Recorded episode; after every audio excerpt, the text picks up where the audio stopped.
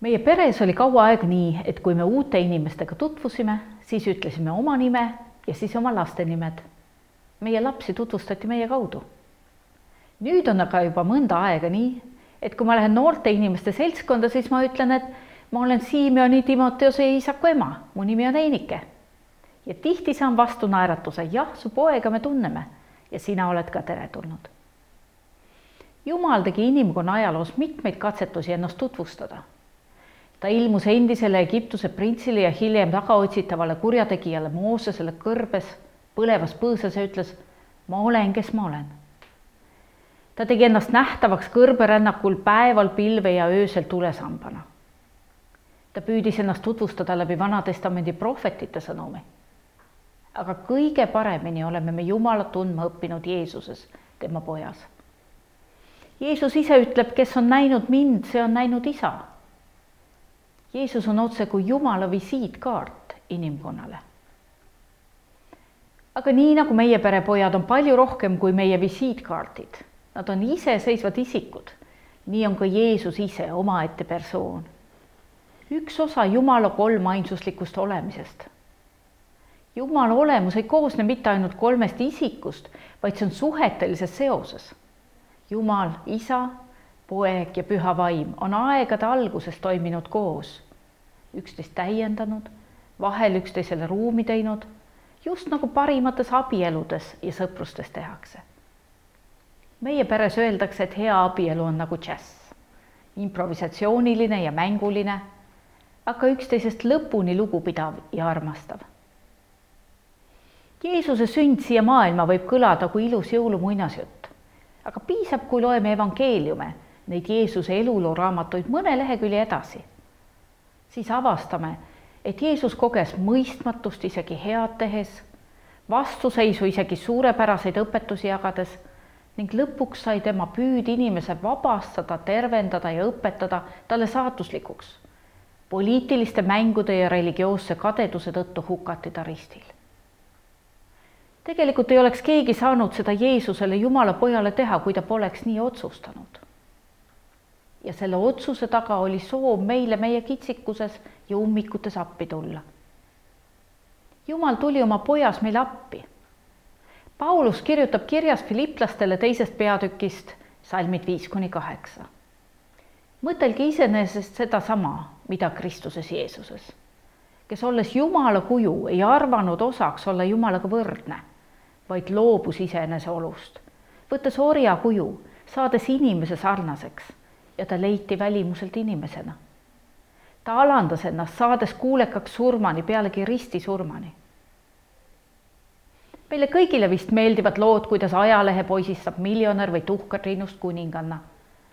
jumala poeg Jeesus teeb aga vastupidist. ta tuleb Jumala poja seisusest alla ning võtab inimese kuju ta tõlgib ennast meie keelde, kolib elama meie naabrusesse, sõidab meiega samas bussis ning ostab toitu samast poest ning rohtu samast apteegist, kõnnib samal matkarajal. ta saab selliseks nagu meie. miks ta küll seda tegi? kujuta ette vana tarka õpetajat, kes tunneb elu ja maailma ning teeb kõik selleks, et oma õpilasi selleks valmistada. ta proovib nii ja teisiti, aga tulemuseks on ikka kehvad hinded ja halvad tulemused siis otsustab ta katsetada radikaalselt teistsugust metoodikat. Midagi sellist juhtus Jumala poja suures loos, kui ta Jeesusena inimeste keskel elama asus. tundub, et miski muu ei toiminud piisavalt hästi, Jumal pidi ennast Jeesuse kaudu tutvustama. ja tõepoolest, Jeesus näitas meile inimeseks saades, milline Jumal on. kui ma mõtlen oma poegadele, siis nad on ka nagu meie mitte alati meie nägu, kuigi natuke seda ka. Aga nad oma iseloomult, andidelt ja väärtustelt meie moodi. olen südamesoojaga avastanud, et nad armastavad inimesi nagu meie. koguvad neid suvel kokku meie hoovi peale või teevad saunaõhtu, kui aed on hangedega kaetud.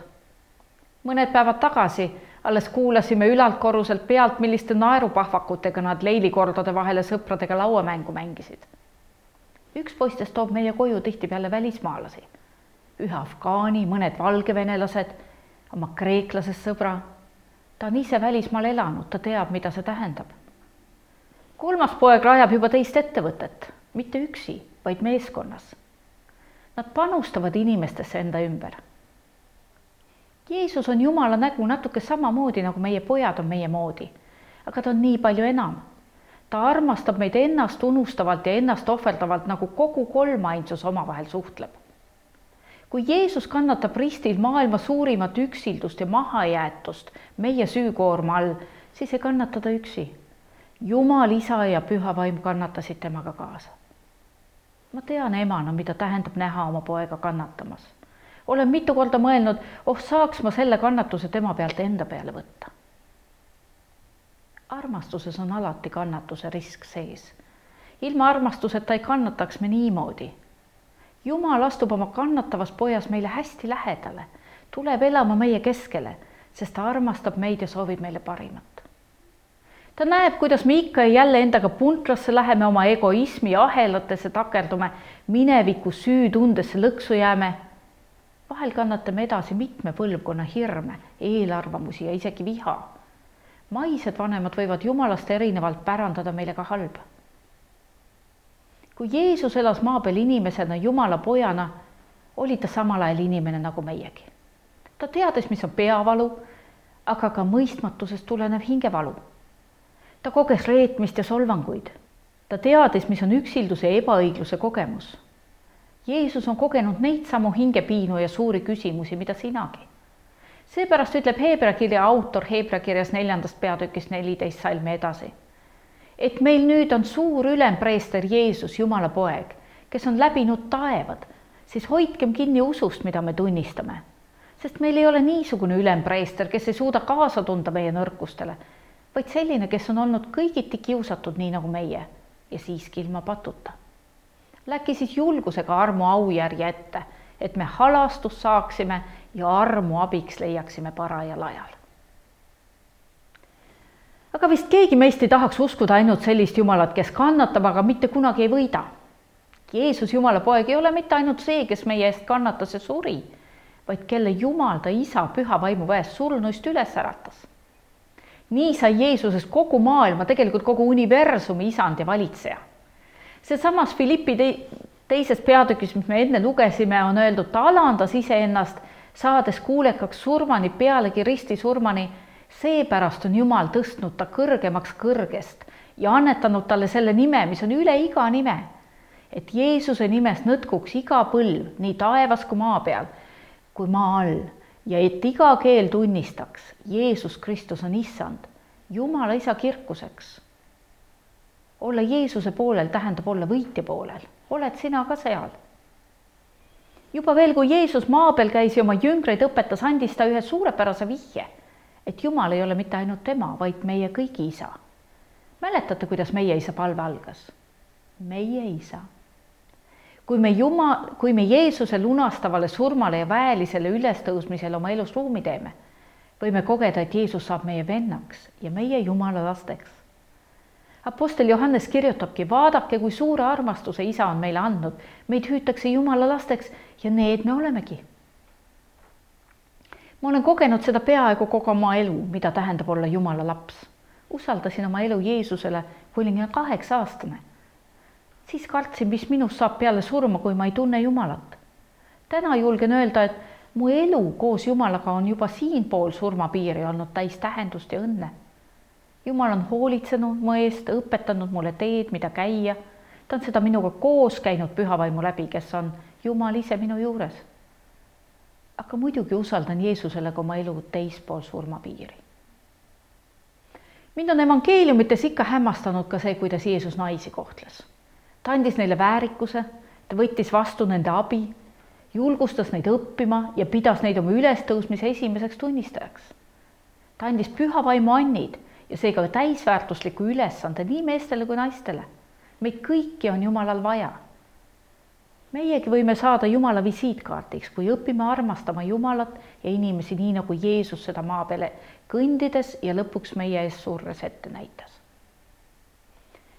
Jeesus, Jumala poeg, ei tulnud meid mitte ainult lunastama, teda tundes oleme saanud ka ülesande, mida on läkitatud elama endast palju enamale. hiljuti juhtus nii, et pidime minema neljakesi Rootsi, sõpruskooli koostöösuhteid looma ja läbi rääkima. Aga mina suutsin kuskilt omikroni üles korjata ja mu sõit jäi katki. jälgisin siis oma kolme meeskonnaliikme reisi kaugelt. õhtuti vestlesime äh, arvutis sellest, kuidas päev on läinud. rõõmustasin nende õnnestumistest ning koostoimimise rõõmust ja mul polnud mitte hetkekski tunnet, et ma ei usalda neid, et nüüd ilma minuta on asi kuidagi kehvem. Sest me oleme sama meeskond, me kanname samu väärtusi ja kuulume kokku. kui Jumal oma poja Jeesuse saatis, siis tegi ta seda ilmselt samasuguse kindlusega. ta teadis ja usaldas oma poega, nad olid sama meeskond. ja kui Jeesus peale oma surma ja ülestõusmist üles taevasse läks, lubas ta, et püha vaim, Jumal meie juures jääb teda esindama meie eludes see vaim näitab meile iga päev Jeesust, varustab meid teenima armastuses ning läkitab meid välja. me oleme kalli hinnaga ostetud ja me elul on hindamatult suur väärtus. nüüd oleme meie Jumala visiitkaart, millel on püha vaimu vesimärgid peal.